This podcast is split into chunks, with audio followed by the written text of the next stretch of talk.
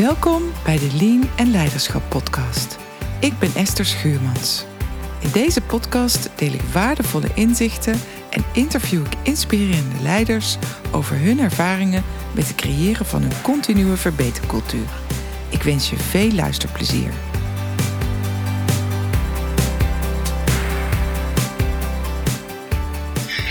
Welkom eh, Kjeld. Wat uh, ontzettend leuk dat ik jou uh, mag interviewen voor, voor deze podcast. Ja, de eerste vraag is natuurlijk, wil jij jezelf even kort introduceren? Ja, overigens hartstikke leuk dat ik hier aan deel mag nemen. dank voor de uitnodiging. Ja, mijn naam is Kjeld Aai. Ik ben 48 jaar, getrouwd al ruim 22 jaar met Michelle. We hebben twee kinderen gezamenlijk, wonen in Nieuwkoop. En ik ben eigenlijk mijn hele leven lang al werkzaam uh, in ziekenhuizen, uh, in verschillende rollen. Ik vind het erg leuk uh, om na te denken over hoe je processen beter maakt. Ik vind het leuk om daar ook de kennis in te delen. En daarom denk ik ook de reden dat wij elkaar treffen, omdat ik daar graag over schrijf en het leuk vind om daarover te vertellen. Dankjewel. Ja, je hebt ook al verschillende boeken op je naam staan. Je hebt een proefschrift uh, geschreven. Je bent gepromoveerd op het uh, thema lean uh, en leiderschap. Dus daar komen we zo zeker op terug. Ik heb ze met veel interesse ook, ook gelezen. Het zijn hele leuke, toegankelijke boeken met, met echte praktijkverhalen. Dus ehm, ja, je hebt zeker heel wat te vertellen en te schrijven en ervaring op de thema's.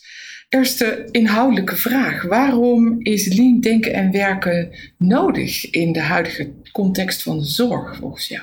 Goeie vraag. Als je hem zo specifiek stelt hè, in de huidige context. Ik denk dat lean ook voor de pandemie en voor de crisis eigenlijk een hele belangrijke plaats had en moet hebben eigenlijk in hoe je je werk organiseert met elkaar als je het hebt zeg maar, over uh, lean denken en werken, dan denk ik dat dat uh, gaat over een, toch een besturingsfilosofie die je echt nodig hebt om succesvol te zijn als bedrijf en uh, je medewerkers te inspireren, te motiveren. En juist in deze tijd is het alleen nog maar duidelijker geworden dat met stijgende kosten toch moeizaam om kwaliteit te verbeteren. Als we zien zeg maar, hoe onze processen zijn ingericht, vaak toch wat ouderwets, traditiegetrouw uh, ingericht, maar niet meer passend bij eigenlijk wat nu de patiënt of onze klant ook van ons verwacht. Ja, dan heb je iets van een, een, een principes nodig, uh, een handreiking, uh, noem het een besturingsfilosofie, die je helpt om verbinding te maken met je klant, maar ook daadwerkelijk de problemen in die organisatie op te lossen, zodat je waarde kan toevoegen. Ja, de eerste uitgangspunt is natuurlijk altijd de waarde voor de klant. Maar wat ik jou uh, ook hoor zeggen, is om de medewerkers te motiveren. Dus het is ook heel krachtig om juist je medewerkers te stimuleren, motiveren en ook waarde te leveren aan je medewerkers. Ja, ik, ik, denk zelf dat als je het nou uh, zou hebben van wat is nou de kracht van, van lean of lean management of lean denken en werken, dan is denk ik de hoeksteen van, van deze filosofie is mensen. Als je begint eigenlijk met uh, lean, lean programma's, lean denken en werken, dan ben je heel erg gericht op de tools en instrumenten. Ook ik was dat uh, toen ik hier in aanraking kwam, alweer denk ik een jaar of tien terug. Was toen al werkzaam in het ziekenhuis in Amsterdam, op het VU Medisch Centrum. Dus ik dacht ook, oh, dat zijn handige tools, tips en tricks om mijn problemen op te lossen. Maar gaandeweg in de loop van de jaren ontdek je dat het veel meer dan dat is. Mensen ontwikkelen, uh, is eigenlijk misschien wel de hoeksteen waar Lean over gaat. Ik denk ook zelf dat het is eigenlijk cultuur hè, waar je over praat. Een cultuur van continu verbeteren. Dus het gaat over gedrag van mensen. Hoe, hoe kan je problemen oplossen? Hoe zorg je dat je als teams meer in staat wordt gesteld en sterker wordt om steeds complexere problemen ook met elkaar op te lossen? En, de kern gaat dus eigenlijk veel meer over een manier van denken. Een soort onderliggende filosofie, principes die eigenlijk de basis vormen hoe je je organisatie opbouwt en inricht.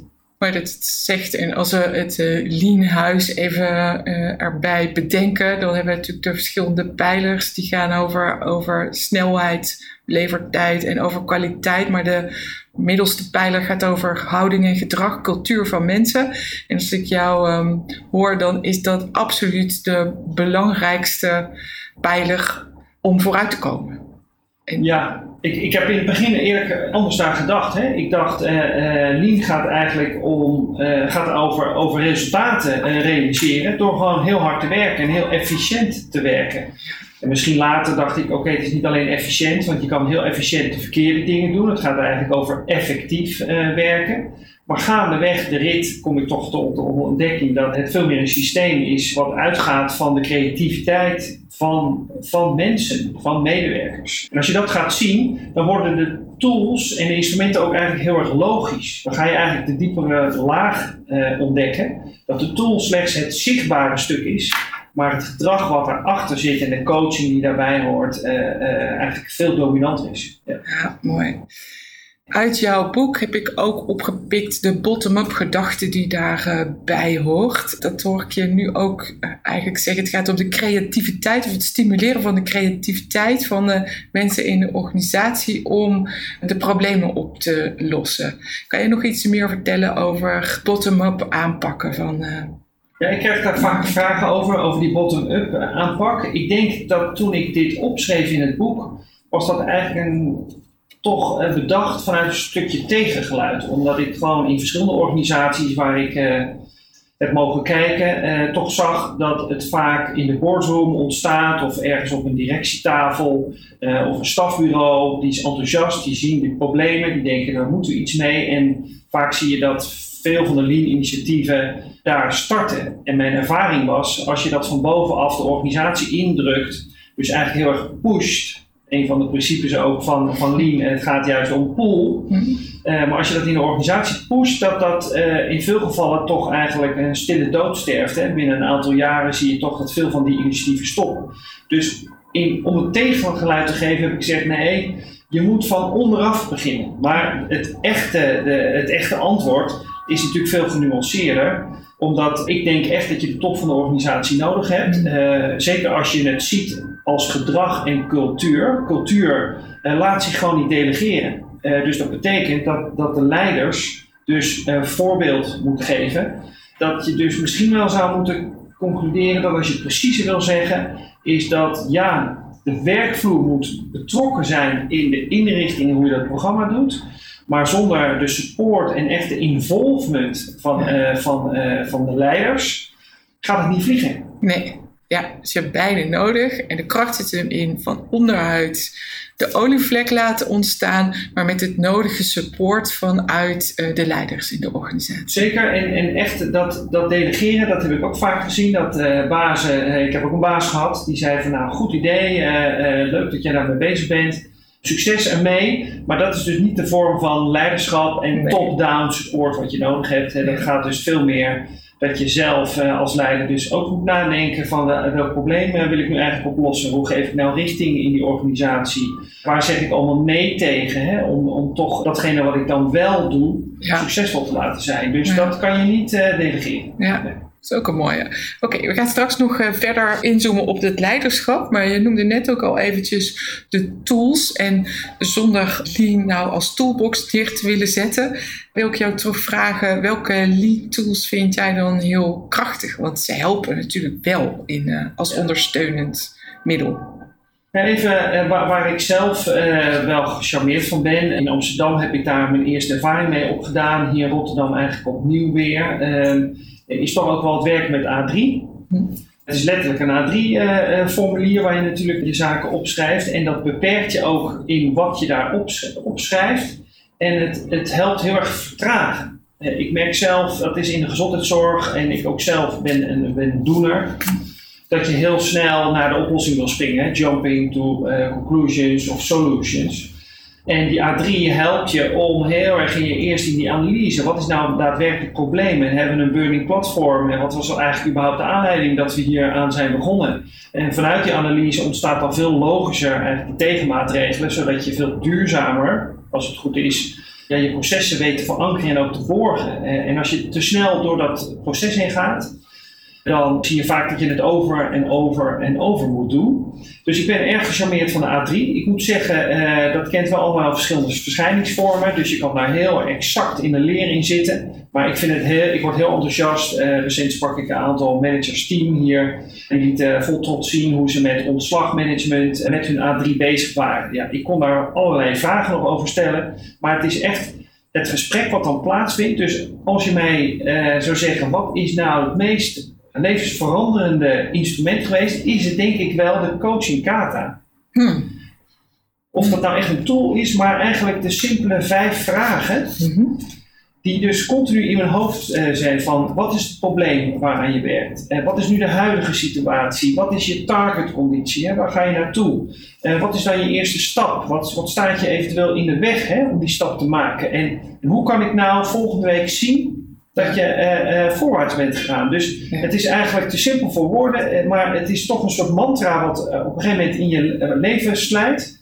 En heel behulpzaam om het probleem duidelijk te krijgen, maar het helpt, heeft een, ook een andere laag. Dat als je deze manier van, van vragen stellen leert, dat je eigenlijk heel veel nabijheid creëert ook met de medewerkers. Je wordt betrokken en je bent involved eigenlijk het probleem. Je staat niet aan de zijlijn om de slimme, snelle academische vragen te stellen, maar je wordt onderdeel en je wordt eh, een soort support eigenlijk voor de collega waar je dat gesprek mee voert. En, uh, dus het doet echt ook iets met je stijl van leidinggeven. Ja, en het helpt uh, misschien ook om te helpen er kleine stappen van te maken. Want je stelt in een van die vragen, wat is je volgende stap? Ja. Maar dat is een kleine stap voor ja. volgende week. Ja. En ik denk dat dat de mensen ook heel erg kan helpen. Klopt dat? Ja, ik denk dat, dat, dat je dat goed ziet. Uh, het is overzichtelijk. En ja, eigenlijk is het met veel dingen in het leven, is van, uh, kan je het vanuit die complexiteit toch weer overzichtelijk maken en behapbaar.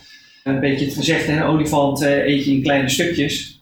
En dat geldt hier ook. Die problemen zijn soms zo divers, multifactorieel, uh, over verschillende organisaties, afdelingen, disciplines heen, dat je door de bomen het bos niet ziet. En het is al uh, kunst om iemand te vinden die eigenlijk volledig zicht heeft op dat proces. In de, in de praktijk zie je dat, dat, uh, dat je allemaal maar een stukje van de puzzel ziet. Ja. En, en dan is het heel goed om in dat dialoog met elkaar, vanuit die coaching gedachten en die coachingsvragen, helderheid te krijgen in die kleine kleine stapjes die, uh, die vaak een groot verschil kunnen uitmaken. En misschien ook wel, zoals bij Toyota, eventjes stop de lijn en dan te zeggen, ja, maar als dit in een groter proces van belang is, hebben we ook alle betrokkenen bij elkaar te halen en het juist wel in een groter proces uh, zichtbaar te maken. Zeker, nee zeker. Ja, ik moet zeggen, ik heb daar zelf ook wel wat uh, mislukkingen in meegemaakt, waarin ik zelf uh, vol enthousiasme dacht met alle stakeholders een, een VEU-stream uh, traject in te gaan. En dan bleek toch halverwege dat we een aantal spelers waren vergeten, oh. die je achteraf dan wil betrekken. En dan uh, blijkt het toch dat zij zich uh, ja, wat minder comfortabel voelen. Dat je zegt, maar we zijn al goed bezig geweest en dit is de oplossing en die is ook goed voor jou. Hè? Dan zie je toch dat je eigenlijk een paar stappen terug moet zetten. Ja. Dus het is, nee, die vragen helpen je zeker om gewoon met een bredere blik te kijken, wat is hier nu aan de hand? Kan je dat lokaal oplossen? Is daar een andere interventie voor nodig? Moet je dat samen laten lopen met initiatieven? Ja, en ook een mooie tip dat je zegt, bedenk echt goed wie je erbij nodig hebt voor het draagvlak om, uh, om ook uh, samen die verbetering te omarmen en ook de acties inderdaad te gaan implementeren. Er heel veel gedoe ja. Oké. Okay. Ik vroeg jou naar de, de Lean Toolbox. Toen uh, begon je met de A3 om ook echt even stil te staan bij de analyse en niet te snel conclusies te trekken. Dus het voorkomen van jumping to conclusions. Maar de echte levensveranderende tool noemde jij als uh, de coaching kata. Ja. Uh, met de vijf uh, bekende vragen om je mensen in, in jouw teams een stapje verder te helpen. Ja. Er zijn goede boeken over geschreven ja. door, door andere goede schrijvers. Dus dat zou ik je misschien is niet het eerste boek wat je pakt als je met Lean aan de slag gaat. Maar ik vind dat echt uh, wel een must voor leidinggevenden die hier echt serieus werk van willen maken. Ja. Uh, ja. Het helpt je echt om zelf ook preciezer te worden, scherper te worden. Het confronteert je ook heel erg eigenlijk met je eigen onzekerheden en de dingen die je niet weet. En deze wijze van coachen helpt gewoon heel erg om zelf beter te worden, maar ook medewerkers te trainen. Dus het snijdt aan heel veel kanten. Ja, een van de boeken, de Toyota Kata. Ik, uh, ik zal ze in de tekst bij de, bij de podcast vermelden voor de mensen die het interessant vinden. Een volgende vraag. Wat zijn randvoorwaarden om lean denken en werken succesvol te implementeren? Een hele hoop. Mijn ervaring is wel dat uh, bezint eer hij begint. Uh, dat geldt hier ook. Dat het belangrijk is als je overweegt om met lean denken en werken aan de slag te gaan, dat je echt vooraf goed je huiswerk doet. Dat je echt jezelf moet afvragen van uh, uh, welk probleem wil ik oplossen? Gaat dit mij dan helpen? Ik ben groot voorstander van het lean denken en werken en het gedachtegoed. Dus ik ben overtuigd, maar ook wel een beetje biased. Maar ik heb wel gezien dat er uh, veel goed bedoelde initiatieven zijn gestart. Maar omdat het huiswerk vooraf minder goed gemaakt was, dat je ziet dat, dan, dat je dan toch tot stilstand komt. Of dat mooie initiatieven uiteindelijk doodbloeden.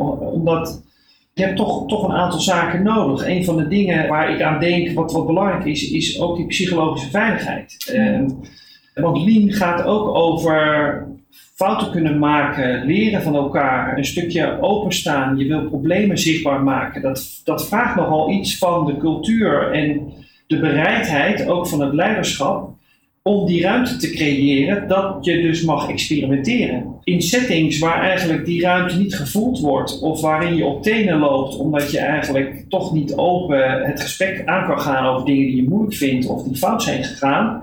Dat is niet een hele goede, vruchtbare bodem om nou met Lean aan de slag te gaan. Want Lean gaat natuurlijk over leren, gaat over ontwikkelen, gaat over experimenteren, waarin je gewoon een hypothese stelt en kijkt. Dus dat is een, een randvoorwaarde. Ik denk zelf, als je met lean denken en werken of de lean filosofie aan de slag gaat, dan denk ik dat helderheid een, echt een belangrijk element is. Helderheid over niet alleen wat zijn je doelen, of wie is nou eigenlijk mijn klant? Lijkt een logische vraag, maar die vraag moet je vooraf als teams met elkaar wel beantwoord hebben. Maar ook helderheid in de taal die je met elkaar afspreekt. Ik heb heel veel initiatieven ook mis zien gaan omdat managers een andere taal spreken dan de zorgprofessional. Dus, dus, dus dan zijn, hebben wij het over, in het vakjargon over productie, bij verkopen zorg. Uh, maar uh, verpleegkundigen praten gewoon uh, in patiënten helpen. Dus een andere term. Nou, binnen organisatiemanagement denken zie je eigenlijk ook dat er heel veel taal geïntroduceerd wordt nieuwe taal die soms helemaal niet resoneert met de zorgprofessional. Ja. Uh, dus met elkaar duidelijkheid creëren over welke taal bezigen wij nu. Noemen we het bijvoorbeeld lean of noemen we het continu verbeteren. Uh, daar moet je even over nadenken. Er is niet een, een betere weg, maar uh, je wil wel met elkaar een gemeenschappelijke taal daarvan van creëren. Wat ik ook echt een randvoorwaarde vind, is je moet eigenlijk echt vooraf al keuzes durven maken. Dus als je organisatie eh, aan 100 eh, projecten werkt of 1000 bloemen willen laten bloeien, dat is een term die hier in de Rotterdamse omgevingen wel vaker eh, valt. Ja, de vraag is eventjes hoe succesvol je kan, dan kan zijn. Ik ben heel erg gecharmeerd van de, van de uitdrukking van Steve Jobs. Hij zegt hè, tegen duizend dingen nee zeggen om het hmm. ene ding goed te doen. En ik denk dat dat hier ook geldt. Dus als je met Lean aan de slag gaat, maar niet bereid bent om keuzes te maken of tegen dingen nee te zeggen, dan kan je niet succesvol uh, hierin zijn. Uh, het is niet voor niks dat 80% van alle lean-initiatieven na vijf jaar allemaal weer terug bij af zijn. Dus dat betekent dat er maar een, een klein percentage, en dat geldt denk ik uh, überhaupt vrij universeel voor allerlei verandertrajecten en programma's, dat een groot deel van die initiatieven sneuvelen weer. En dat heeft deels met het leiderschap te maken, waar we het net over hadden, uh, is daar support uh, uh, vanuit de top, vanuit de organisatie. Maar het heeft ook te maken met dat het taai is, dat, je, dat het moeilijk is, dat het je energie kost. Dat het in eerste instantie vaak een beetje onttoppen of je bestaande werkzaamheden komt, voordat je dus wat verschillingen uit je proces kan halen, waardoor je tijd creëert, om dat vervolgens dan weer in je verbeterinitiatieven te stoppen. Dus, dus die focus aanbrengen, uh, heel duidelijk waar zeg je ja en uh, nee tegen. En ook afmaken, discipline. Dus ik heb geleerd in de afgelopen tien jaar dat ik met Nina aan de slag ga, ben gegaan. Het is vasthouden, het is vastbijten. Eh, het is helemaal niet zo ontspannen. Je moet er echt voor willen gaan. En discipline niet alleen in je projecten afmaken of je initiatieven afmaken, maar ook discipline in, in hoe je je mensen traint en hoeveel tijd je daar neemt. Discipline in hoe je je, je staafsessies vormgeeft, ben je daar op tijd als leidinggever of kom je daar vijf uh, over twaalf uh, aankakken? Daarmee ben je allemaal gewoon die cultuur aan het neerzetten. En ik denk dat discipline echt wel een, een, belangrijk element is. En misschien verreweg de belangrijkste van, van deze vier die ik nu noem. Hè? Dus uh, helderheid in de taal die je bezig, focus aanbrengen, keuzes maken en discipline is misschien wel de, de belangrijkste uh, randvoorwaarde, is uh, hoe betrek je de mensen van de werkvloer. Engagement is veel over geschreven, heel veel onderzoek naar gedaan. Als mensen de sleutel zijn, de hoeksteen eigenlijk van dit gedachtegoed, als zij bepalend zijn eigenlijk voor het succes van de organisatie of voor uh, de klanttevredenheid, als je daar naar kijkt, dan is het belangrijk dat je hun medewerkers controle geeft over de inrichting van de processen. Dan moeten we dus niet uh, als baas drie hoog achter uh, bedenken hoe, we, hoe, hoe op de werkvloer gewerkt moet worden. Dan moeten ze involved zijn. Ze moeten zich niet alleen kunnen verbinden aan de doelstelling van de organisatie, maar dus ook met de collega's waar ze mee werken. Uh, er moet echt invloed zijn. Ja, je wil heel graag die betrokkenheid omhoog krijgen door ze juist ook die, aan te spreken op die creativiteit. En dat je ze inzet op de talenten die ze ook hebben. Hm. Mooi. Als ik even mag, uh, mag samenvatten. Sint eer gij begint. Wat een, uh, een mooie tip om mee te geven. Want um, ik denk dat, die, dat er heel veel achter schuilt. En wat ik er ook uithaal is, je doet dit voor de lange termijn. En niet voor de korte termijn uh, successen. De helderheid in doelen noem je. Helderheid in taal. Dus, dus één taal spreken. Belangrijk om daar aandacht in te geven. En, uh, en uh, in je communicatie dus ook, ook aandacht in te schenken. Vooraf keuzes maken. Dus dat heeft te maken met focus aanbrengen. En de allerbelangrijkste, hoe betrek je de mensen van de werkvloer? Want zij weten toch het beste hoe het werk eh, gedaan moet worden. En denk nou niet als manager dat jij dat beter weet dan jouw mensen.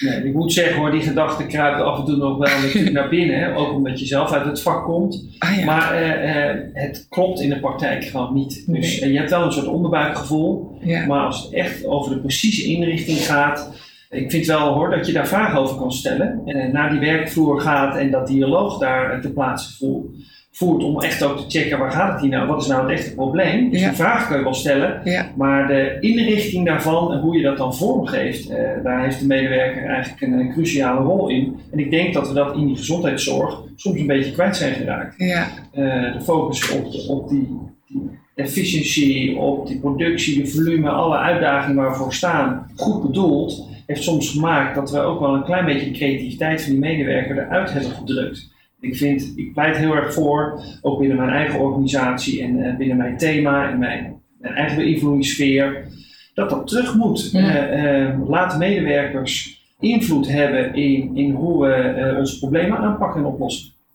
Dat is een mooi bruggetje naar ook het leiderschap wat je daar dan in, eh, in te bieden hebt. Als jij nou een omschrijving mag geven van leiderschap, hoe zou jij het dan omschrijven? Wat betekent leiderschap voor jou? Dat zijn eigenlijk woorden hè, die dan naar boven komen.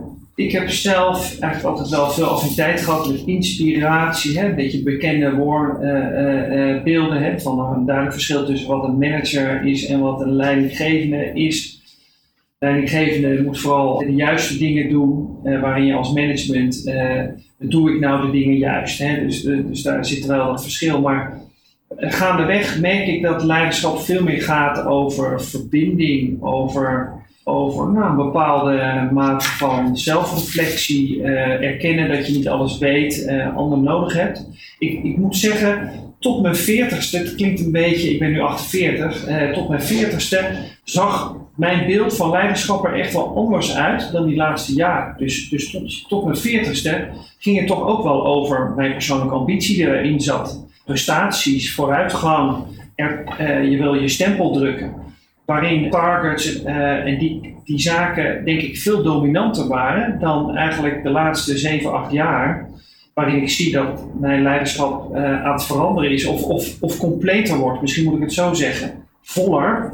Waarin de relatie veel meer centraal komt te staan. Uh, je niet per se gelijk hoeft te hebben. Je over je eigen schouder heen kan springen. Dat je zegt, jongens, ja, ik, ik weet het nu ook even niet. Maar kunnen we samen daar dan toch even het gesprek over voeren? Hè? Durf je fouten toe te geven?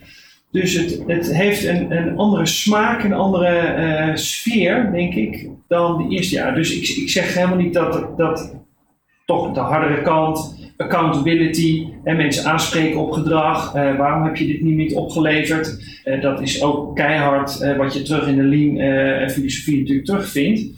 Maar het kent wat meer dimensies. ik denk dat het rijker is geworden in de loop van de jaren. En voor mij best wel een belangrijk thema. Ik heb er eigenlijk vanaf mijn studententijd en later ook in allerlei scripties en afstudeeropdrachten altijd over geschreven. Leiderschap in het middelmanagement, lean leiderschap in de praktijk, waar mijn, een van mijn eerste boeken over ging. Mijn promotieonderzoek ging er natuurlijk over. Dus ik ben wel verwezen met het onderwerp, omdat ik ook wel denk van ja, dat die leidinggevende en dat hoeft niet alleen degene te zijn overigens hè, met de strepen. Dat kan daadwerkelijk ook een professional zijn die lokaal leiderschap moet tonen over datgene waar hij verantwoordelijk voor is. Dus het is een veel bredere definitie die ik daar zelf voor hanteer. Maar het is bepalend voor het moraal van, van, van de afdeling, voor, voor de cultuur, voor de kwaliteit, voor de veiligheid eh, waar je in werkt. Het is bepalend zelfs voor je financiële resultaten ja, leiderschap is wat dat betreft denk ik wel heel erg cruciaal om het verschil te maken. Ja, je hebt al verschillende belangrijke zaken aangegeven als het gaat om, om leiderschap. In jouw boeken en natuurlijk in je proefschrift ga je daar ook om in. Eentje die ik eruit gehaald heb was uh, de wij voor de why. Tja. Kun je daar wat over vertellen? Ja, dat kwam eigenlijk naar aanleiding van een goede collega van mij uh, die destijds bij de NS werkte. Van Schaik. De NS was, uh, Nederlandse Spoorwegen was destijds al bezig, ook met lean interventies. En eigenlijk was hun uitdaging, hoe zorgen we nou eigenlijk dat die treinen op tijd rijden. Nou, dat heeft zelfs te maken met de conducteur, wanneer die fluit en hoe dat op die perronnen gaat. Dus een heel interessant proces. En zij kwamen er eigenlijk achter dat als je de why voorop stelt, Simon Sinek heeft daar een heel mooi boek over geschreven, Start with Why, ik ben daar groot fan van. Dus, maar zij brachten daar een andere dimensie. Uh, dat je, tuurlijk moet je een why hebben als organisatie, want waar verbind je de medewerkers anders omheen? de reden dat ik hier in het Erasmus MC ben gaan werken, was onder andere dat één klein zinnetje wat stond eigenlijk in de missie en de visie van het Erasmus MC, is dat wij de Rotterdamse bevolking willen helpen om een stukje gezonder te worden. Ja, en ik merkte dat sloeg aan. Maar dat gaat uiteindelijk wel over hoe wij met elkaar daar dan vorm aan geven. En, en, en de why is natuurlijk een diepere drijfveer waarom je dus in beweging wil komen. Ik vond het een mooie uh, twist. Uh, omdat uh, zeker in het management denken eigenlijk wel start with the why zo ingebakken was. Dat je denkt, ja. nou, start met de mensen ja. is misschien wel een hele mooie. En het, het staat niet tegenover elkaar. Nee. Het gaat mooi samen. Ja, ja, nou hij viel mij ook meteen op uh, daardoor. Eventjes aanvullend als het gaat dan om lean leiderschap, de wij voor de why, verbinding heb ik je horen zeggen, voorgaan als leider, uh, heel belangrijk. Aandacht voor de medewerker en helemaal in het begin heb je ook iets gezegd over loslaten. Wat heb je als leider los te laten? Jongen, jongen, zeg, eh, nou dat is echt zo ontzettend veel. Ik heb denk ik in de afgelopen tien jaar eh, moeten leren om nou, bepaalde ideeën en gedachten los te laten. Over zo hoort het, hè?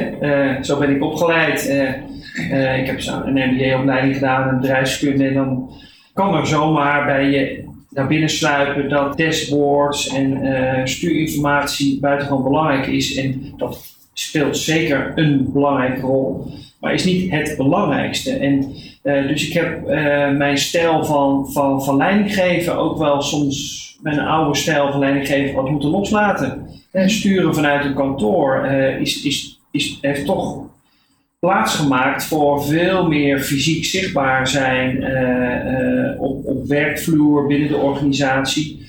Ik heb mijn eigen gelijk soms moeten loslaten loslaten dat je het niet allemaal weet. En ik merk dat het werkt heel bevrijdend. Uh, want naarmate je daar natuurlijk wat meer in oefent en jezelf daar wat vaardiger in wordt.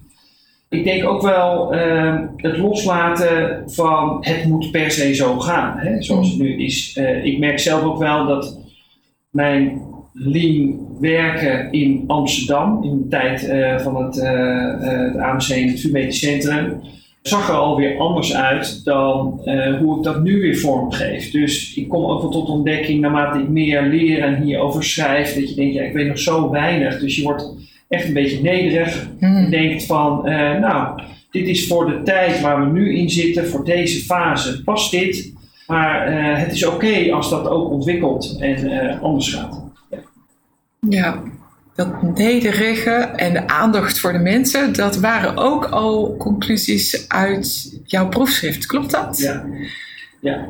Ik denk dat dat ook wat langzamerhand wat gerijpt is. Hè. Dat is inmiddels uh, nu zeven jaar terug dat ik uh, daar iets over opschreef. Ook wel wat, uh, wat publicaties over geschreven. Maar ik merk zelf dat dat een soort tool is. Hè. Het is een soort skill die je ontwikkelt in je leiderschapsstijl die echt maakt dat je in staat bent om verbinding te maken. En zeker de nieuwe generatie, valt mij dat op, dat de, de nieuwe generatie heeft een heel, heel ander beeld ook van leiderschap of leidinggevende. waarin je toch een beetje de ouderwetse stijl nog had. Hè, van uh, als leider kijk je naar beneden en je ziet alleen maar gedoe. En uh, van onderaf kijken de medewerkers naar boven, de piramide, en denk nou, uh, ik zie alleen maar eikels. Hè. Uh, zie je dat dat uh, eigenlijk niet meer past. Dus uh, die stijl en die houding heeft langzamerhand wel plaats moeten maken voor veel meer een horizontale manier van benaderen, waarin je verschillende rollen hebt en zelfs die leidinggevende kwaliteiten of skills soms kan wisselen afhankelijk in welke context je zit of in welk project of, of, of verbeterinitiatief je deelneemt. Uh, dat niet altijd de leider degene is die dan ook formeel de strepen heeft. Uh, dat kan wisselen. En ik merk zelf wel dat naarmate je dat gaat inzien uh, en je ziet dat je misschien ook wel zelf als leidinggevende nu in deze rol bent geplaatst, dat is een voorrecht. Je kan iets betekenen, je mag iets uitdelen. je hoopt eigenlijk dat een aantal mensen op je schouders gaan staan en weer verder kunnen kijken om die organisatie over een aantal jaren ook weer verder te brengen. Dus je realiseert je dat je misschien wel een passant bent. Je mag een, een stukje hmm. iets meegeven. Ik probeer het beste van mezelf eigenlijk daarin te leggen. Maar uiteindelijk uh, weet je dat er ook weer anderen zullen voortborduren op datgene wat er dan is. En de organisatie zit ook in verschillende levensfases. Dus ik vind het voorrecht dat ik dat nu hier in het Rotterdamse mag doen. Maar ik realiseer me ook dat er uh, straks ook weer nieuwe mensen opstaan die uh, de organisatie veel verder weer kunnen brengen dan wat ik ooit zou kunnen dromen. Of, en je overstap naar het Erasmus, je zit er nu meer dan een jaar, al anderhalf jaar? Ja, in februari twee jaar. Oh, al bijna twee jaar. Ja, hoe heb je die twee jaar ervaren en wat heb je eh, gedaan om hier het lean denken en werken en het leiderschap wat daarbij hoort ja, neer te zetten ja. of, of te verspreiden? Ik ben dus hier in uh, februari 2020 gestart. Dat was een maand voordat de eerste COVID-patiënt in Nederland uh, was. Daarna had ik eigenlijk, uh, wat ik uh, noem, toch wel een heel mooi inwerktraject gekregen hier in de organisatie. Omdat je eigenlijk in een hele korte tijd natuurlijk heel veel operationele zaken op je pad kwamen. Ik heb daar ook nou, een steentje aan mogen bijdragen met mijn collega's. En ehm, ja, daarin leer je natuurlijk heel snel die organisatie kennen ik had allerlei plannen om hier ook uh, te starten met allerlei lean trainingen. Ook omdat ik wel zag van uh, je moet een stukje basiskennis hebben voordat je echt in de praktijk ook aan de slag uh, gaat. Ja, die hebben dus op een aantal plekken binnen mijn thema, die visie, toch wel echt traging opgelopen. Dus het eerste half jaar is eigenlijk van die initiatieven niet zoveel terechtgekomen. We zaten gewoon midden eigenlijk in die, in die COVID-crisis. En ik merkte ook gewoon, er was geen ruimte in het hoofd. En dat was een voorbeeld waar ik net ook op doelde. Dus niet ingreep begint. Uh, dat was niet het moment om met een nieuw initiatief uh, te starten. Uh, dat kost veel energie. je moet mensen daarvoor vrij plannen. Ja, en er werd met mannenmacht werden mensen uitgepland als buddies om op de IC te werken. Dus dat paste niet. Na de zomer heb ik vorig jaar wel een start kunnen maken. Dat is deels ook omdat we tot een conclusie kwamen dat de polyklinieken afschalen eigenlijk toch minder slim was, verstandig was. Dus uh, vanaf die periode zijn eigenlijk de polyklinieken nooit meer afgeschaald geweest. Daar zijn we dus eigenlijk na de zomer gelijk gestart met uh, wat ik dan noem de Lean Wave aanpak. Mhm. Binnen het Erasmus hebben we eigenlijk een uh, ziekenhuisbrede aanpak, uh, verbeteraanpak. En ik heb daar een klein beetje een eigen smaak aan toegevoegd. Waarin ik heb gezegd van we hebben eigenlijk negen verschillende onderwerpen. We noemen dat golven, waves. Ik vind dat technologie leuk, eh, omdat je denkt, nou, het komt hè, soms wat grotere golven, soms wat kleine golven. Je hebt de eerste golf gehad en komt er een tweede golf.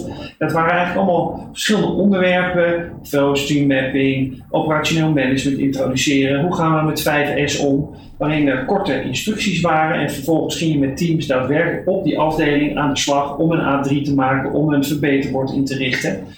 Dus zo ben ik denk ik eigenlijk met een wat valse start op weg gegaan. Op dit moment is uh, binnen het ziekenhuis eigenlijk in alle thema's zie je dat er uh, mooie in, uh, initiatieven starten. Binnen het thema Dijkzicht, waar, wat dan binnen mijn verantwoordelijkheid valt, zijn we eigenlijk bijna met alle negen waves hebben we doorlopen.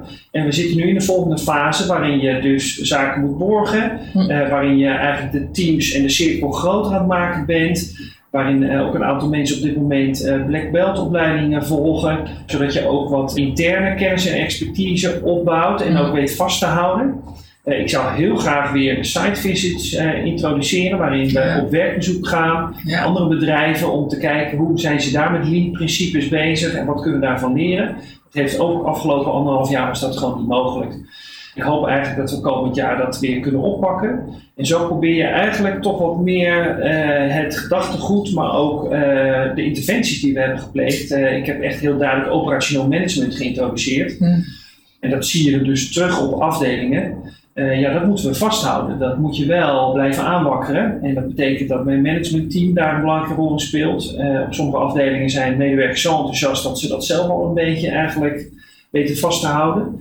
Uh, maar daar zal komend jaar eigenlijk wel in het teken van staan. Hoe zorg je dat, dat je het vastblijft en daadwerkelijk ook dus je problemen oplost die merkbaar zijn bij de patiënt. Ja. Dus uh, dat is natuurlijk uiteindelijk wel, uh, als je het niet vergeet, ben je heel erg met trainen en scholing en enthousiaste mensen bezig. Maar uiteindelijk is de ambitie natuurlijk wel dat de patiënt merkt dat hij hier in goede handen is. Hmm. Ja, ja, mooie route, denk ik. Het is ook wel mijn ervaring dat het ongelooflijk belangrijk is om op de vloer te beginnen. Gewoon met de teams aan de slag, in de praktijk. En vervolgens dat te ondersteunen met, uh, met training en uh, procesverbeteringen en mensen die zelf trajecten kunnen gaan begeleiden. Dus ja, ik denk een uh, hele mooie gekozen route hierin. We gaan langzaam naar een afronding. Nog een andere vraag. Heb jij nog tips die je zou mee willen geven aan luisteraars? Zou zeggen aan leiders die ook iets met continu verbeteren, met de lean filosofie zouden willen gaan doen?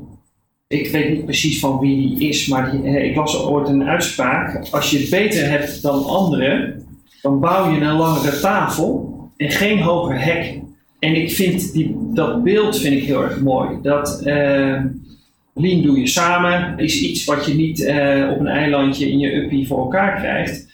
En daar waar er gewoon successen zijn, hè, uh, wees bereid om dat te delen en stel je daarvoor open.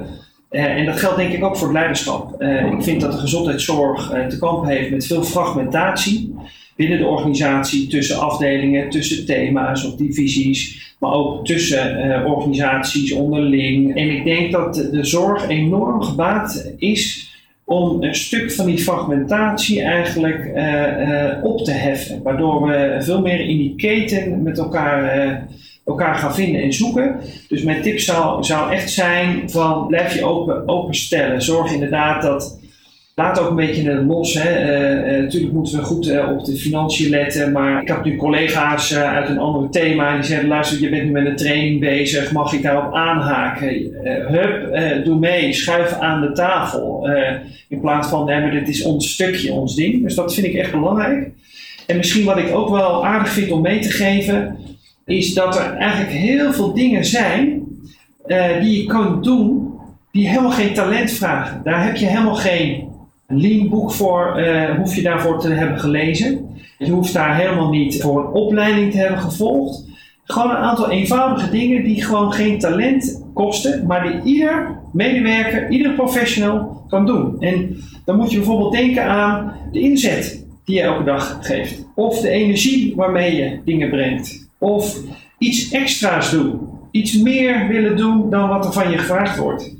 Of voorbereid in een overleg komen. Dat kost helemaal geen talent, kan iedereen. Daar kan je vandaag mee starten. Maar ook openstaan om, uh, ben je coachbaar? Sta je open voor feedback? Vraag je af en toe aan je baas van, joh, uh, uh, heb je nou een tip voor mij? Wat kan, kan nou anders? Zoek het dus niet allemaal in de ingewikkelde zaken, maar er zijn heel veel dingen die je eigenlijk nu, zonder dat je gestart bent met Lean, eigenlijk ook kan doen. Die je geen geld kosten, waar je niet voor gestudeerd hoeft te hebben, die het verschil al maken en misschien zelfs wel een goede voedingsbodem vormen om met uh, Lean ook aan de slag te gaan je organisatie. Ja, hoe maak je het verschil met de kleine dingen? En de, de, de, tafel, het aanschuiven aan de tafel vind ik ook een hele mooie metafoor om, uh, om mee te geven. Ik weet niet, ken je Jaap Bressers? Die noemt die kleine dingen zoals de Carlos-momentjes. Dus ik hoor jou hier eigenlijk ook Ja. de tip geven. Ga op zoek naar een Carlos-momentje in het continu verbeteren. Ja, zeker. Ja, ja. Oké. Zijn er nog eh, dingen die je graag wilt vertellen, meegeven, eh, waar ik niet naar gevraagd heb? Er is denk ik heel veel aan bod eh, gekomen. Wat we vooraf aan de uitzending natuurlijk al tegen elkaar zeiden, is dat we kunnen hier waarschijnlijk wel drie uur over praten. Maar het is ook belangrijk om de spanningboog natuurlijk vast te houden. Dus er is heel veel aan bod gekomen. En eh, ja, ik hoop dat, eh, dat eh, de luisteraars één of twee elementen eruit pikken waarvan ze zeggen, hey, dat, dat, ik omarm dat. Of ik ga daarmee experimenteren. Of nou, dat een mooie, mooie denkrichting die mij in de praktijk ook dan weer verder brengt. Dan zou ik heel erg gelukkig zijn dat de luisteraar nou, stukje herkenning eh, eh, ervaart, zich geïnspireerd weet, maar misschien ook wel een praktische tip heeft meegekregen. Nou, dankjewel. Dat is een mooie, mooie afsluiting. Ik eh, ben heel blij dat je mee wilde doen en eh, ben heel blij met je bijdrage. Dus nogmaals dank daarvoor. En dan ronden wij nu af. Dankjewel, veel succes. Dankjewel. Je luisterde naar een aflevering van de Lean en Leiderschap podcast. Ik ben heel benieuwd wat je ervan vond. Ben je enthousiast? Abonneer je dan op deze podcast. Ken je iemand voor wie deze podcast ook interessant is? Dan zou het super zijn als je hem of haar de podcastaflevering doorstuurt. Nogmaals dank voor het luisteren en heel graag tot de volgende keer.